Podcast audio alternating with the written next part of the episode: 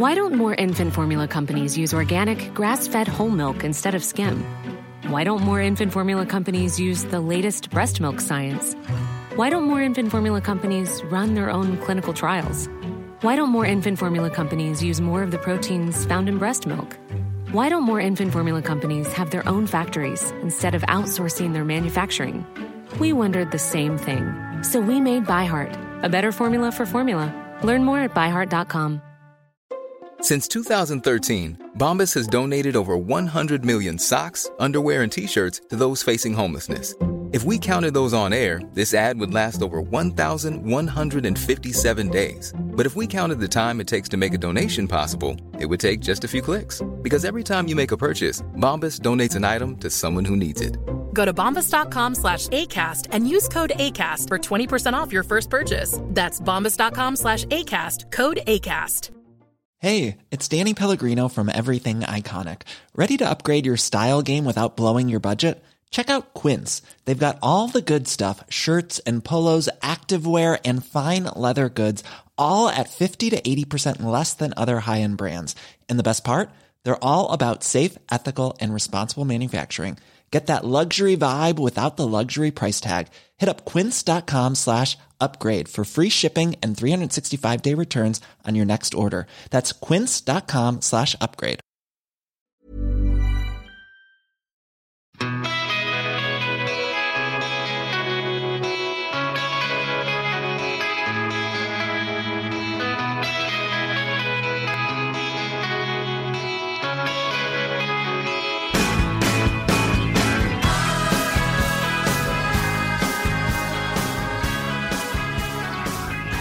Välkomna tillbaka kära lyssnare. Winnerbäckpodden med Ulf och Mattias är här igen. Vi kör ett... kommer jag av mig. Avsnitt i veckan. En låt per avsnitt, ett avsnitt i veckan Mm. kör vi. Hur mår du Mattias? Eh, det är bara bra. Mm, skönt. Det var själv då? bra. Det var som jag sa precis innan vi satte på. 25 dagar sedan vi spelade in sen sist. Du har ju satt mig en liten rävsax här. Vi spelar in måndagen den 27 november och vi ska släppa avsnittet eh, tisdagen den 28. Så jag Mm. kommer ju ha en klippkväll framför mig. Tror du får ta på dig där eftersom du var borta hela förra veckan. Men Ja. ja, absolut. Ja, okej, kanske. Du har inte heller varit så lätt att boka in med. Ju. Eh, ja, du hade något du ville annonsa innan vi presenterar dagens låt. Precis, och jag kan alltid dra barnkortet så att du Mm. kommer aldrig vinna en sån diskussion. Mm. Men, nej, men eh, efter eh, avsnittet vi släppte om de tomma stegen så fick jag lite feedback från en eh, lyssnare Mm. som var väldigt eh, välfunnen tycker jag. Eh, som också hade tolkat det lite som jag gjorde där, att det kunde handla om döden. Och, Mm. så. och så meddelade hen då en eh, bra koppling som, vi, som jag missade, eller som vi båda missade, som handlar om det här med att det är ju en, en vakt, eller det är ju en hänglås vid en grind Mm. ner till en strand Mm. och en vakt vid en port som har fått blodad tand och så vidare. Just det. I ganska tidigt i låten ju. Mm. Eh, men precis i slutet så går den ju så här. Inga vakter vid porten, inga hänglås i grinden. Bara rösten som kallar i den evigt viskande vinden. Just det. Det är ju väldigt bra. Jag har inte tänkt på den kopplingen den- faktiskt. Att den liksom Nu har det gått återkommer. längre. Ja, att det Ja. återkommer och nu är det liksom ingen som vaktar då. Utan Mm. nu, går, nu vandrar man in i eh, döden. Eller om man nu tolkar den så. Aha. Eller vandrar vidare i det här nästa då. Som det kan vara. Det var ju fint spanat av hen.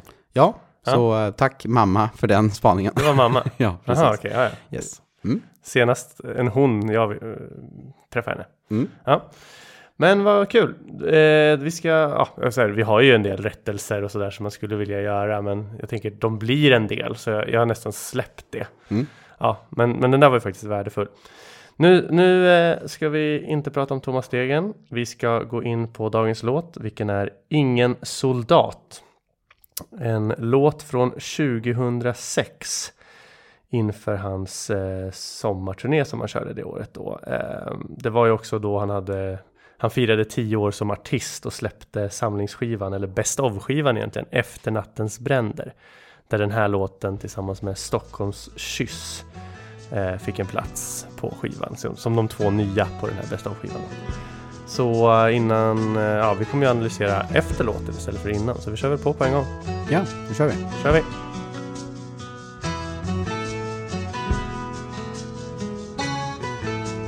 Himlen faller ner, det svider till där kniven skar.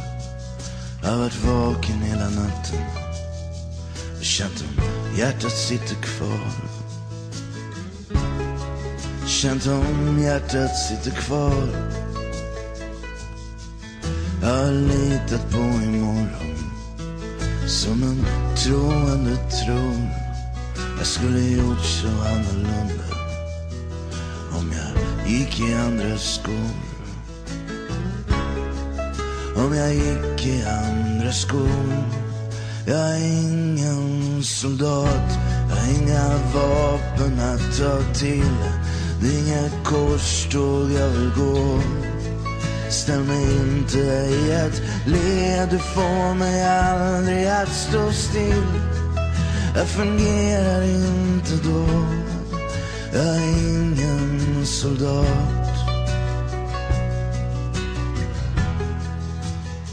Jag tänker inte så.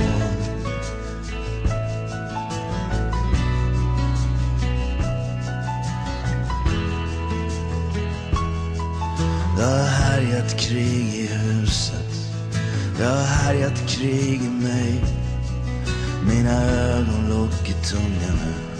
Snart drömmer jag om dig. Snart drömmer jag om dig. Jag har aldrig stått vid fronten eller försvarat det jag har.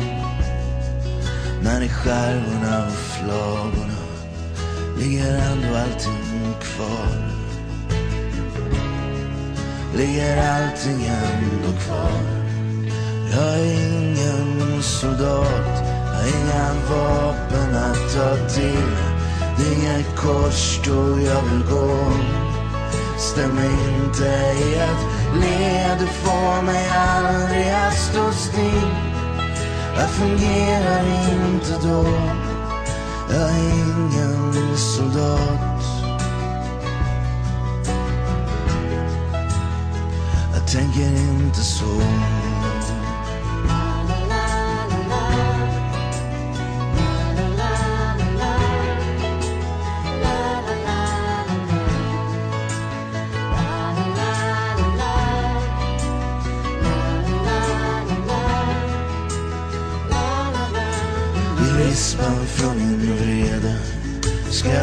Jag och så. I skuggan av din stolthet ska jag resa mig och gå. Jag är ingen soldat, jag har inga vapen att ta till. Det är inget korståg jag vill gå. Ställ mig inte i ett led, du får mig aldrig att stå still. Jag fungerar inte då, jag är ingen soldat. Jag har inga vapen att ta till. Det är inget korståg jag vill gå. Ställ mig inte i ett led, du får mig aldrig att stå still. Jag fungerar inte då, jag är ingen soldat. Ingen soldat, jag tänker inte så. side.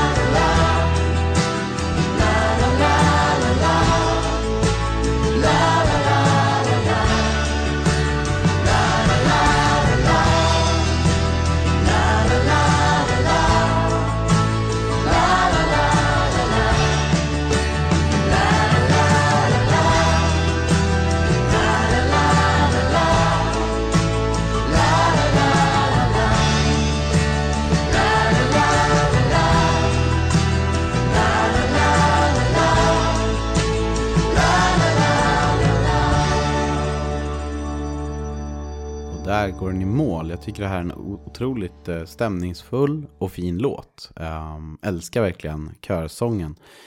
Inte kollat upp exakt eh, vilka det är som gör den, men jag antar Mm. att det är Anna och Idde då. Eftersom att det är hovet-tidigt här Vi misstänker det i alla fall. Ja. Ja. Eh, Och älskar också refrängen med tonartshöjningen där som är väl den sista när de drar på lite extra. Jag tycker verkligen den lyfter. När de går från A till G-dur. Ja, möjligen. Eller D-dur. A till D-dur. Där de tvistar Mm. de olärda Jag har inte tydligen. spelat den på länge men jag är ganska säker. Ja, nej, men det, den är kanonbra. De alltså. Det känns också lite grann som, det här känns ju lite, det här ligger ganska nära tycker jag, nya Lars om man säger så. Alltså, jag tycker ändå, den är ju ganska gammal den här låten. Men jag tycker den känns väldigt modern i typ Mm. hur han låter nu. Liksom, så. så måste jag också tillägga att liksom bakgrunds eh, maracas-ljudet. Mm. det här, Ägget. Ja.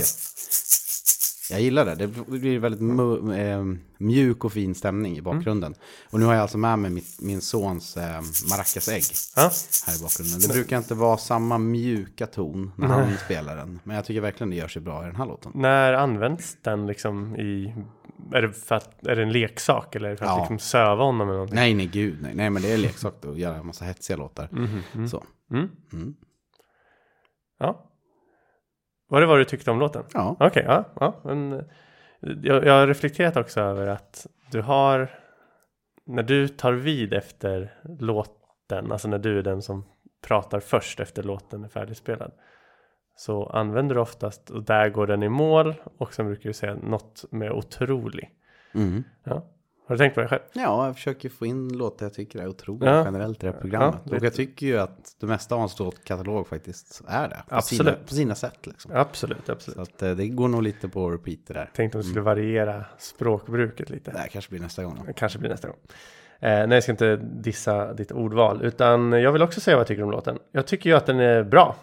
Eh, det är en jättefin ballad. Jag skulle säga efter lite E, egna interna dubier och, och bollningar så är det nog ändå en fem av sex. Och jag tycker ju, jag dras med av den och den var väldigt fin här senast på Saab Arena när Lars Winnerbäck hade genrep som jag var på.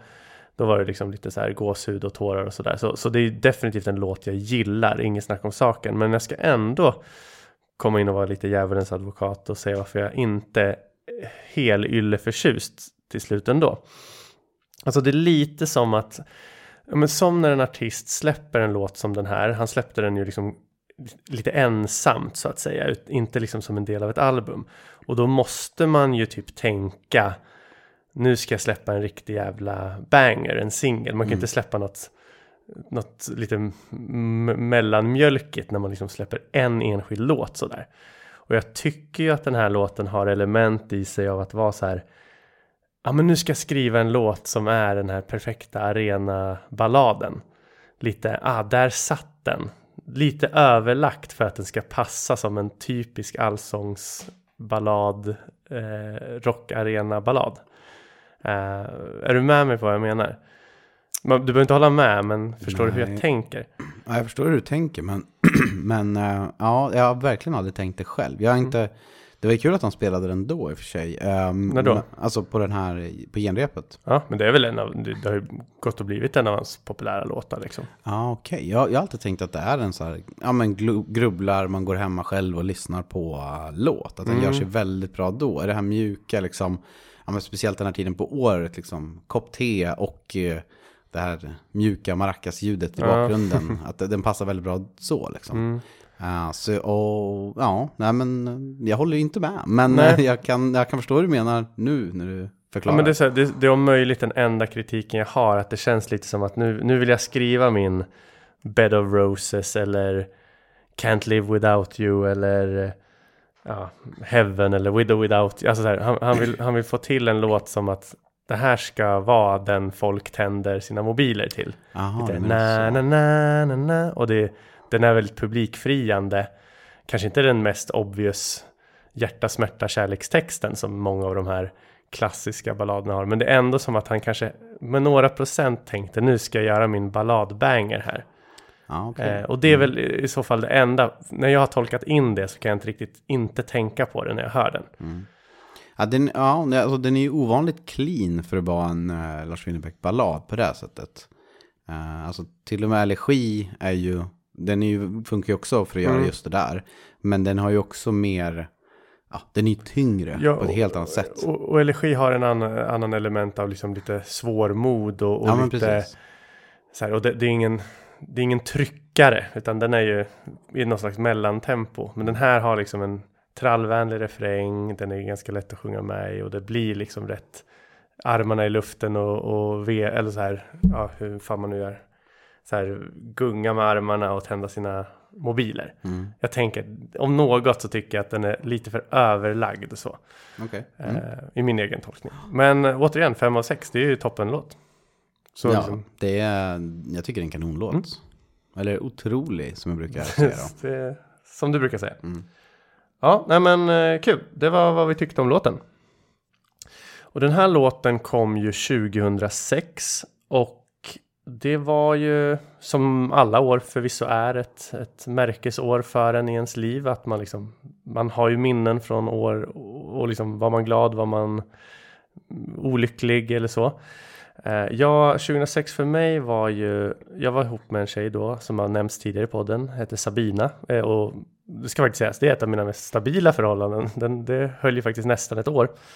Eh, och jag berättade om henne för några avsnitt sedan att jag gjorde slut med henne på BM-bron i Nyköping på en karneval. Men jag kommer ihåg att jag tolkade den här låten lite då utefter hur jag mådde då. Och det kommer vi komma till sen när vi verkligen går in på hur vi tolkar låten. Att där jag ser det kanske lite mer i en relationskontext och det här med ställ mig inte i ett led och du får mig aldrig att stå still. Jag hade mycket den här tanken, fan jag är ju inte den här fågeln i buren. Jag måste ju ut och bli fri. Så liksom, jag har en relationstolkning av låten, det kommer mer om det sen. Ehm, så så liksom, för mig var det mycket så med den låten och, och det var då Sabina som kanske klädde skott för att det var ju min tjej då sedan några månader tillbaka och rastlös som jag är så ville väl jag ut ur det där då. Och det ledde också till att jag den här sommaren då 2006 skrev låten Återvändsgränd när jag sommarjobbade på Studsvik utanför Nyköping, en, en kärnteknisk anläggning där jag hade väldigt lite att göra så jag satt och skrev låtar istället.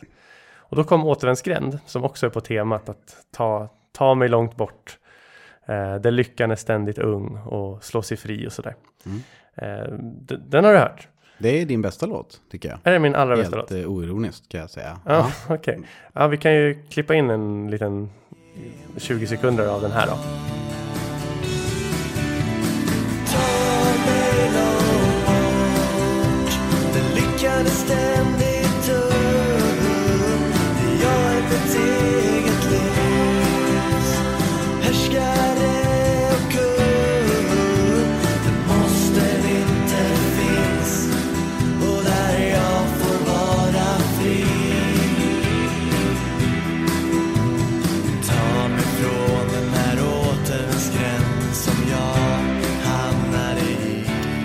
Det var i alla fall eh, återvändsgränd och jag ska inte säga några liknelser i övrigt. Men för mig var Ingen soldat också en av låtarna som påminde mig om att jag borde slå mig fri på något sätt.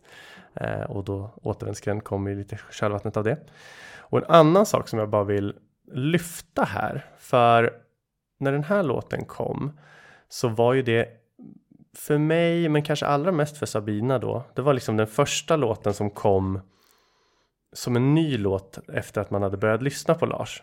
Alltså, det blir ofta så när man typ upptäcker en artist och lyssnar i kapp allt den släppt på typ 7-8 år. Så tycker man ju typ allt är helt magiskt. Känner du igen i det? Ja, ja, ja. Och sen kommer en ny låt. Och så direkt är det så lätt att falla till att Nej, men det var inte lika bra som det var förr. Eller så här, han var bättre. Alltså man får ofta den känslan efter man har lyssnat i kapp något. Och sen kommer det första nya. För den här artisten som man nyligen upptäckt. Och så typ inbillar man sig att det här var inte lika bra.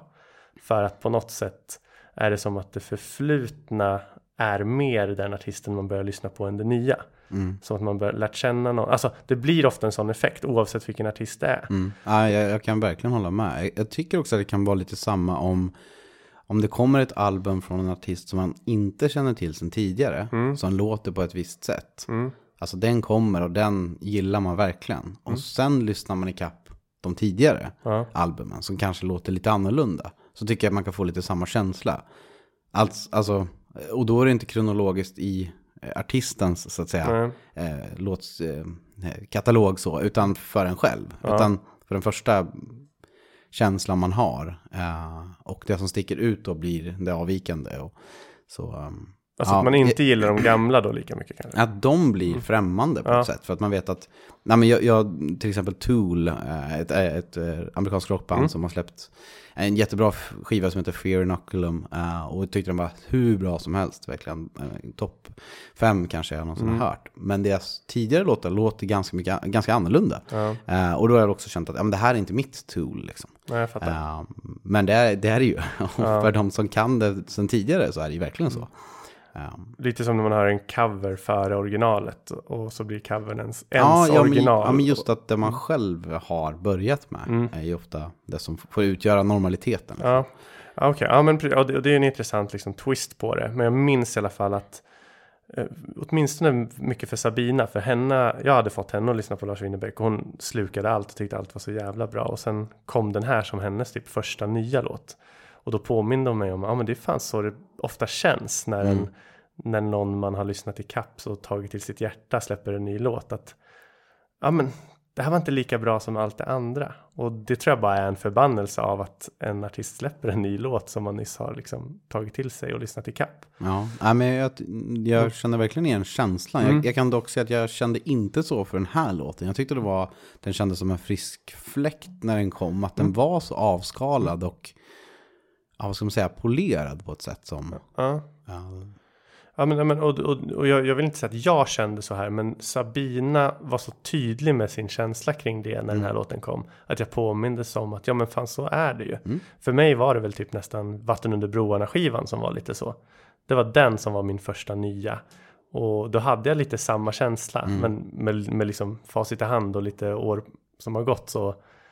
Och vatten som har runnit under broarna. Så eh, kan jag ju konstatera att den skivan är ju en av de bästa fortfarande. Liksom. Men där, då, då när den kom drabbades jag av den här felaktiga illusionen av att han var bättre förr. mm, mm. Ja, så det här var en, Ingen soldat var en tydlig sån låt som bara påminde mig om det fenomenet. Ja, utan att säga att jag tycker det själv. ja, nej men bra.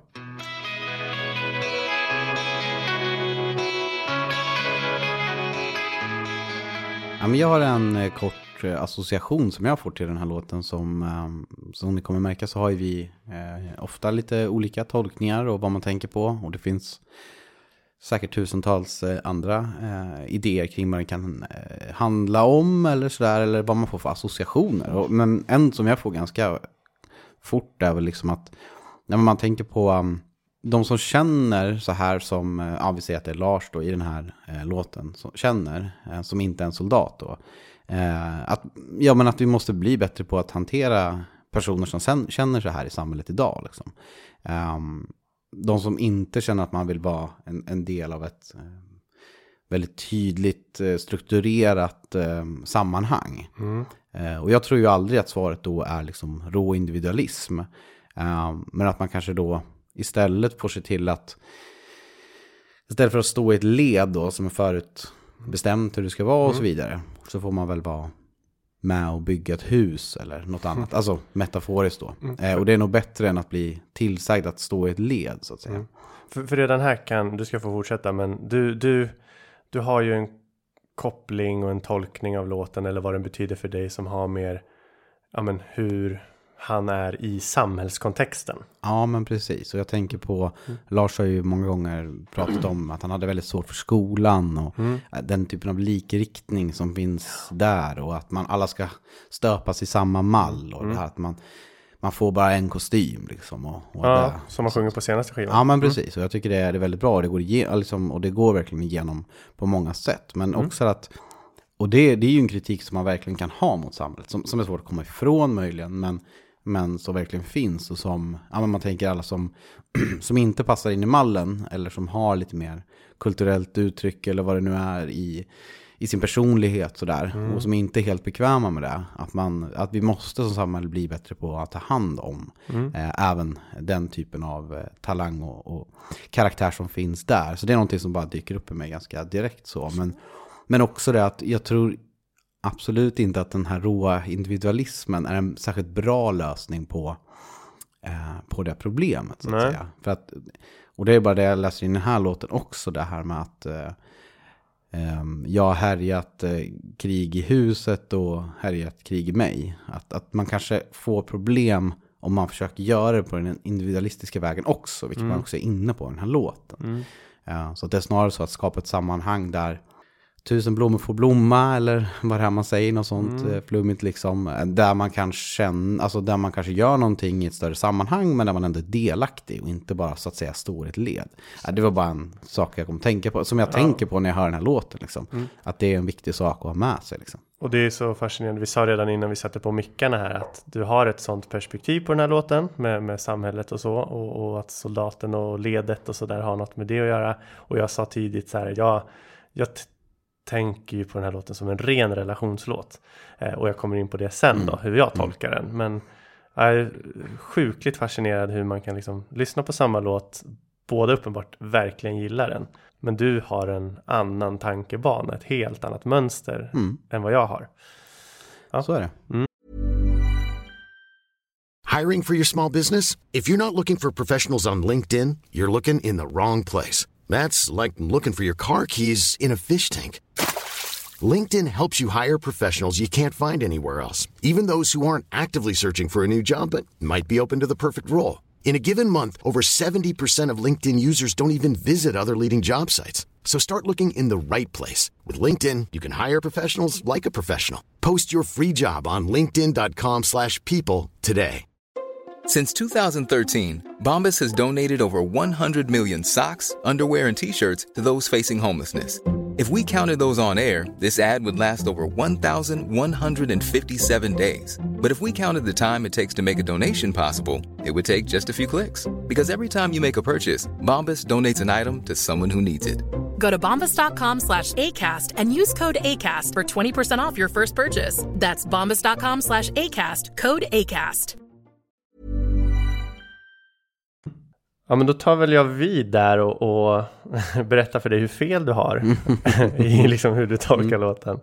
Ja men för mig är den här låten och, och som vi sagt i tidigare avsnitt det kan ju verkligen vara vad som slog en första gången man hörde den eller vad man var i för sammanhang och helt plötsligt har man en viss typ av tolkning av låten som är extremt annorlunda från din. Jag ser det här som en förhållande låt. Alltså den här Winnerbäcks återkommande tema att han är liksom svår att leva med. Nu är jag i ett förhållande igen som typ verkar inte går så bra. Eh, lite det är bara så jag är och när jag, när jag hör det här ingen soldat då har jag alltid associerat det med att han i relationen varken kan liksom vara den här starka soldaten varken liksom mellan honom och partnern eller han härjar krig i sig själv, alltså liksom han har egna dubier eller typ så här du vet krig utifrån, något utanför kanske hotar relationen, allt ifrån liksom ja men nu tror jag inte det han åsyftar men så att någon raggar på hans tjej och han är inte den som liksom man up och Nej, står där. fattar. Han är Nej. liksom, han är inte den här rakryggade soldaten i förhållandekontexten. Att han inte har några vapen att ta till, det tol- tolkar jag på så. Han, han, han är bara för mycket sig själv för att liksom kunna styra när förhållandet kanske går åt ändra riktning. Han kanske inte vet, alltså ett vapen, han kanske inte varken vet hur man ska vara slug eller spela spelet i en kärlekssituation. Han kanske inte heller vet hur han ska visa sin kärlek på bästa sätt. Det är det jag tolkar in att här, han har inte de här vapnen som krävs för att vara en soldat i ett förhållande. Och det har aldrig stått vid fronten eller försvarat det jag har. Det är som att han också och, det, det, det är väl mycket så att man känner igen sig själv i det utifrån min egen tolkning. Att man har varit liksom mesig i vissa sammanhang i förhållandekontexten gentemot liksom yttre hot eller sådär. Kanske inte stått upp tillräckligt för det, eh, det man liksom har och den man är kär i. Man är svag helt enkelt. Men vad är det för eh, vapen du tänker att man ska ha så att säga? Jag, säga, jag har inga vapen att ta till så här. Ja, men om du är elak mot mig, då sluter jag mig bara. Så här, jag, jag, jag kan Aha, inte okej. bitcha tillbaka eller jag kan inte gå ut och göra dig svartsjuk. Jag vet inte hur man gör. Och, och vidare på det, liksom det här med att inte ställa sitt led som man sjunger. Det är väl det här med, han har så, inte som att han är någon polyamorös person eller så, men så här, följa kärlekens normer. Så här ska man vara. Så här, det här förväntas av dig i en relation. Att det är en frustration och återigen något så svårt för honom att, att sälla sig till. Eh, eller personen han sjunger om, eller så det man tolkar in att det kan handla om mig. Men att han fortsatt liksom sjunger ju fortfarande att han känner ju något, att kniven har skurit, han litar på imorgon och, och han tänker och i natt så drömmer jag om dig som han Mm. sjunger. Det är så här, han vill uppenbarligen att det ska funka på något sätt. Men han har inte förmågan, varken vapnen eller liksom rakryggad. Han är inte tillräckligt rakryggad och han har svårt med den här kanske kärleksnormen, eh, om det så är Mm. tvåsamhet, Hollywood, lyckliga kärleknormen eller vad det nu må vara. Och att liksom han har ett hopp om att kanske inte vara så här svag som han är, att han ska bli mer handlingskraftig och sätta ner foten. Och han sjunger det i sista versen, i rispan från min vrede ska jag sätta jord och så, i skuggan av din stolthet ska jag resa mig och gå. Att han mm, utifrån vad jag tänker menar att, ja men, jag har det i mig, det gäller bara att väcka det till liv. Men jag är ingen soldat. Jag, jag har svårt att vara den här jag ska inte säga machomannen, men den mannen man ändå räknar med i en relation. Mm, jag förstår. Det, det är min. Men vad är det du tänker att han ska ta till då istället? Alltså det här med att resa sig och gå. Det är inte att han ska så att säga skaffa sig vapen då, utan det är andra saker som ska väga upp det. Ja men så här, det, någon form av visad styrka. Att han kanske liksom har varit svag så pass länge och inte levt upp till kärlekens inre normer och varit den här mannen som kunnat, ja men att han aldrig har stått vid fronten och försvarat det han har till exempel. Eh, och kanske, ja men det kanske blir en effekt av det att han, han ska ändå visa styrka genom att gå till slut, Mm. eventuellt. Mm. Om vi bara då kort utgår från att det är en kärlekskontext. Alltså, vi, du behöver inte köpa in på den. Men jag själv känner ju inte att jag är en person som ställer mig i ett led eh, när det kommer till kärlekskontexten. Jag har ju liksom varit singel mesta delen av mitt liv och har verkligen liksom svårt ibland med kärlekens normer och tvåsamhet. Eh, men så kan jag uppleva att jag har ändå, när det väl kommer till relation och när det kommer till liksom någon form av partnerskap med en tjej så känner jag ändå att jag har jävligt bra vapen.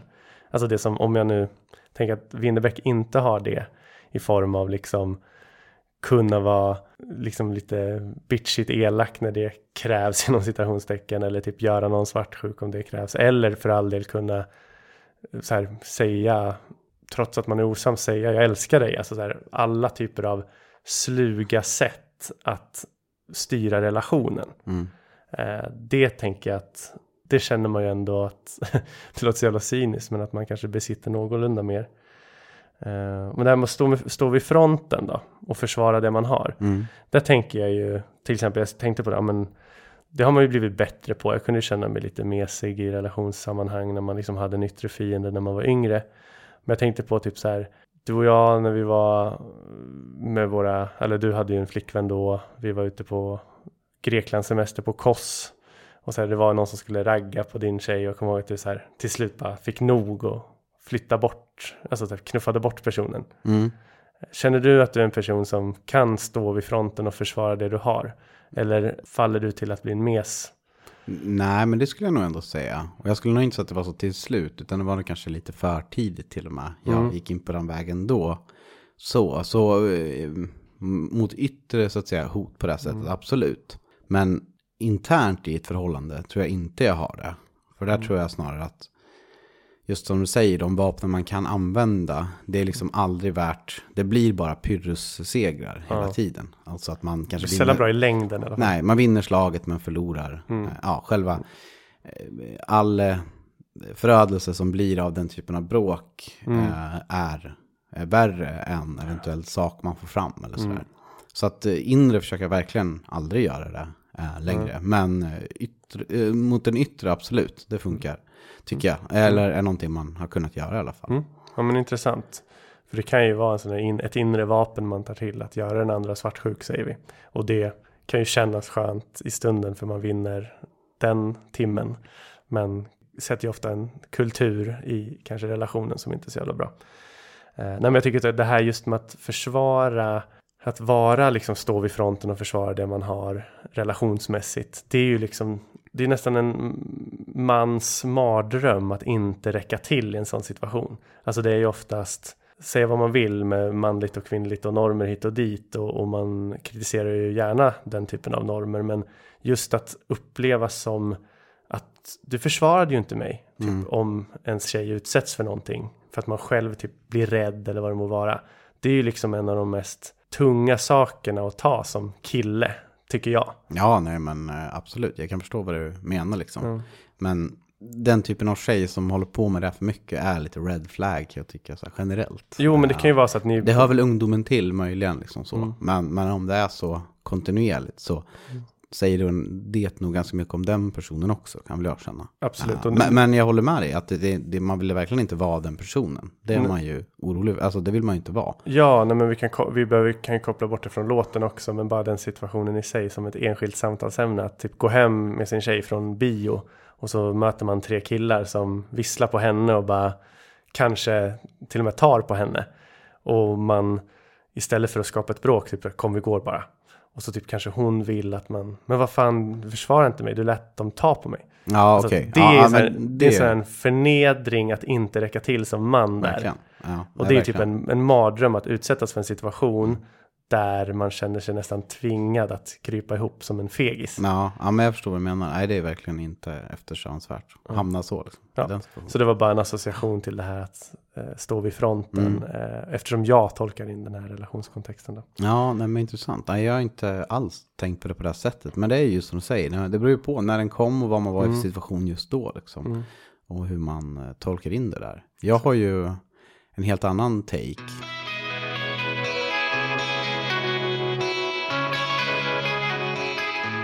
Det är väl någonting i att när jag har hört den här låten så har jag ganska ofta ändå känt så här att eftersom att jag personligen eh, alltid har sökt efter större gemenskaper eller större sammanhang eh, eller en större mm, verksamhet sådär.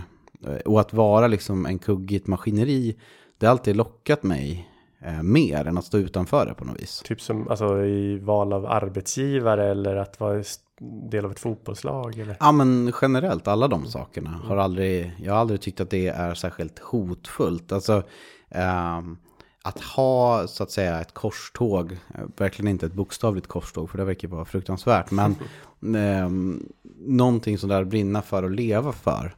Alltså som, som man gör i stora fantasyberättelser eller något sånt där. För tänk att jag är en nörd som, som älskar liksom Sagan om ringen eller Star Wars och sådär. Jag har alltid tyckt att det är ju väldigt häftigt att ha något sånt driv. Och jag kommer ihåg att när man var lite yngre så kunde jag vara väldigt orolig och vemodig just Alltså precis som Lars har varit, men av liksom den direkt motsatta anledningen.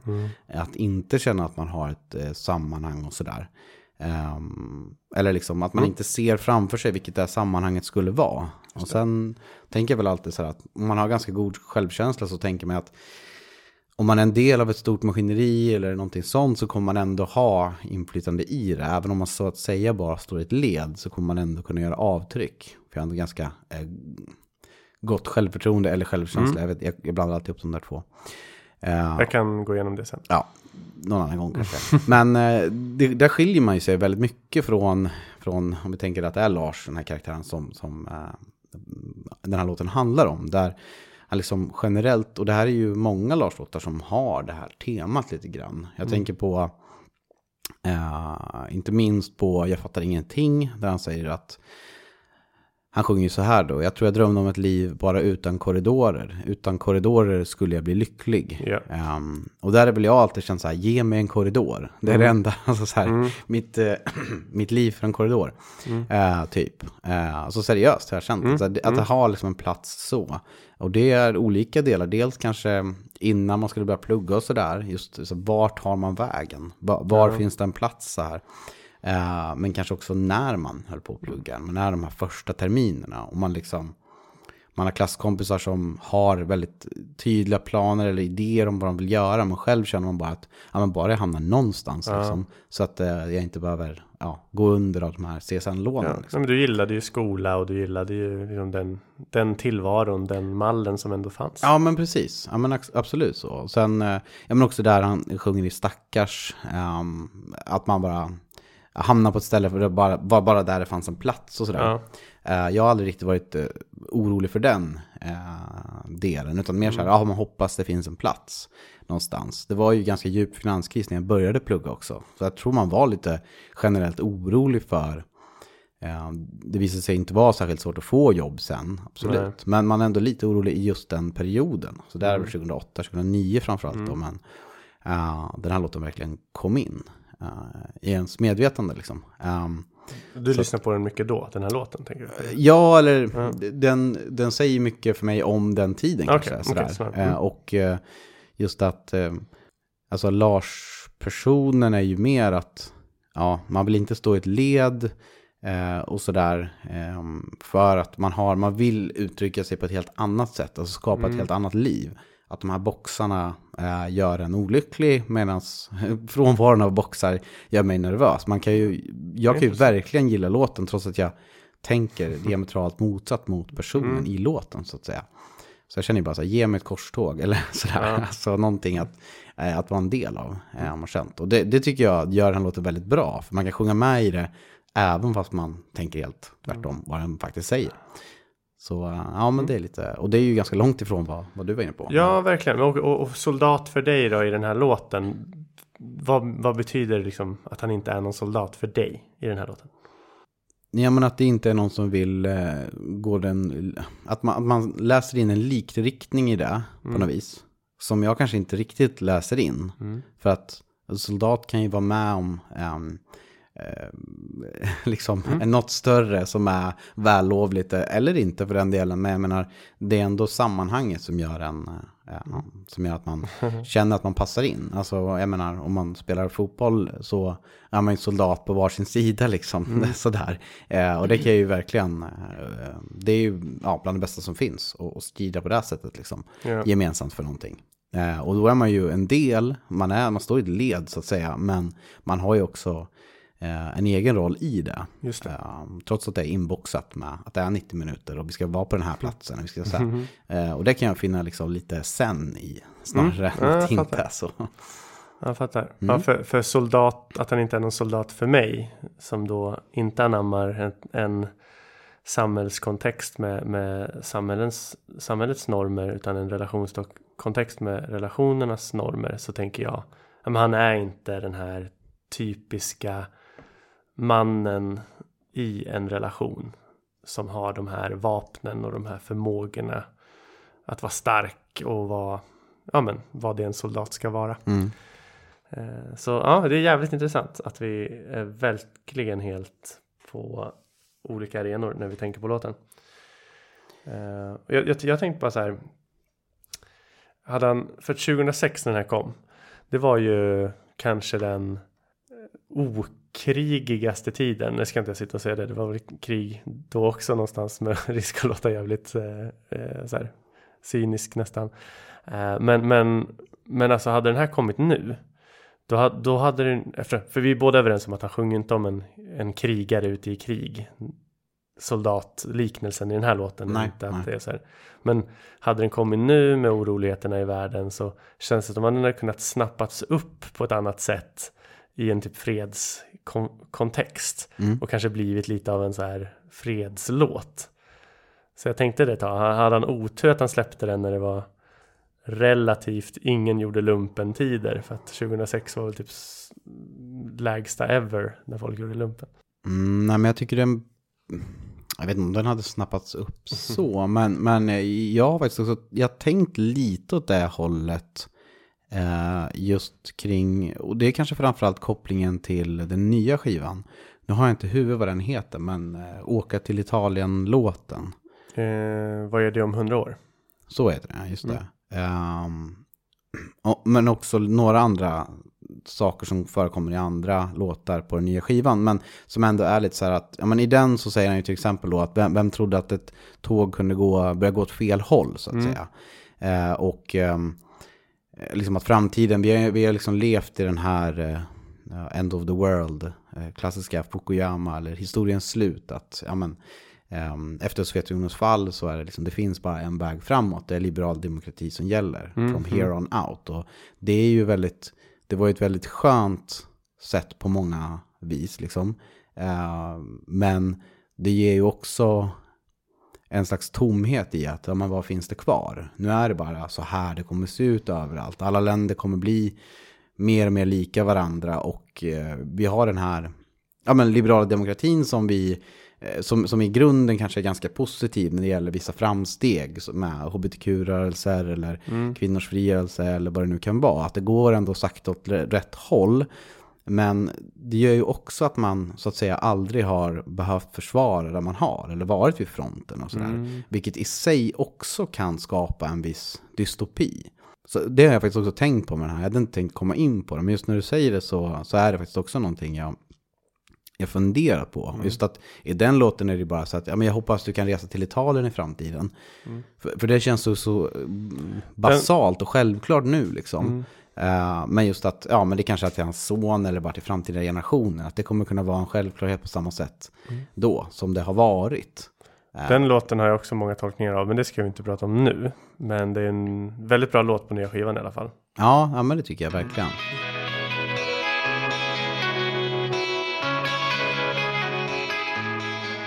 Ja, nej men, ehm, ja, men jag gillar den och jag hade tänkt, och jag strök det för jag tänkte så här, det här är det grabbigaste man kan göra överhuvudtaget. Eh, och det var ju faktiskt ett Fight Club-citat jag tänkte på eh, till den här, alltså som till låten. Eh, och det är ju den här Middle Children of History, eh, om du kommer ihåg den. Nej. Ja, men det, det är en så ganska känd del av den, men det handlar i alla fall att, eh, jag, jag behöver inte ta hela citatet, men det står så här, We're the middle children of history, man.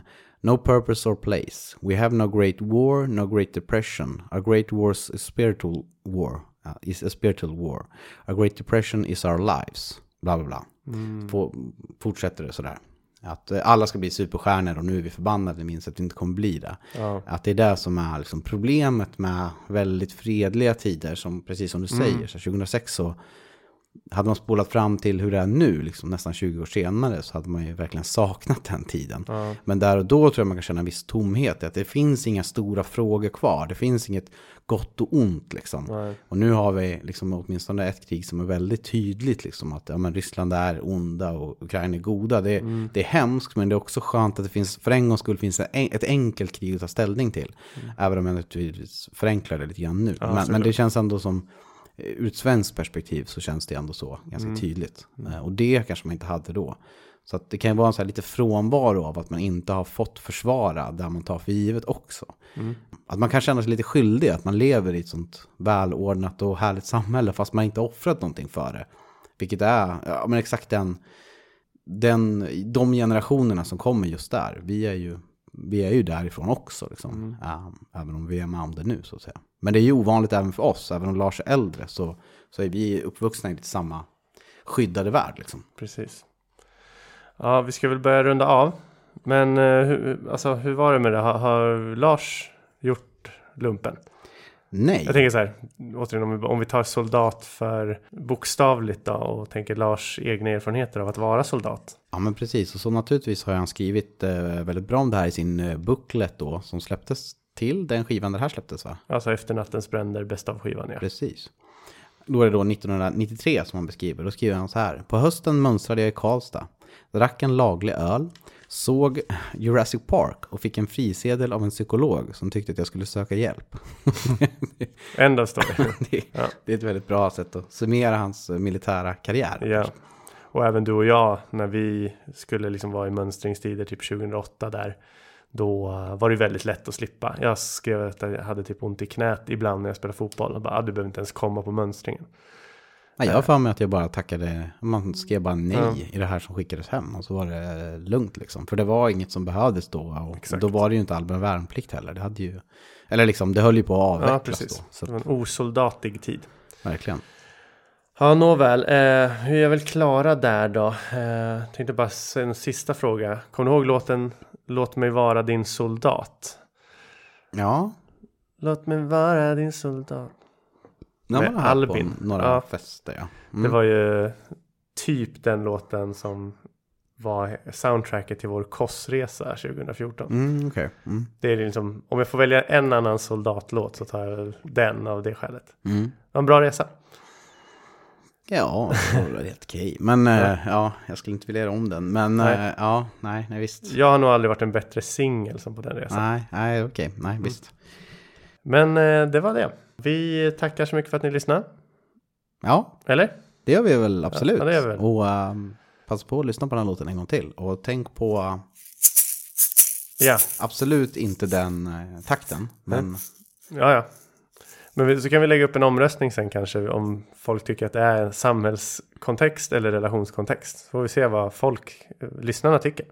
Ja, de kanske har någon eh, annan helt annorlunda. Ja, då tar vi en, ett alternativ som heter annat också.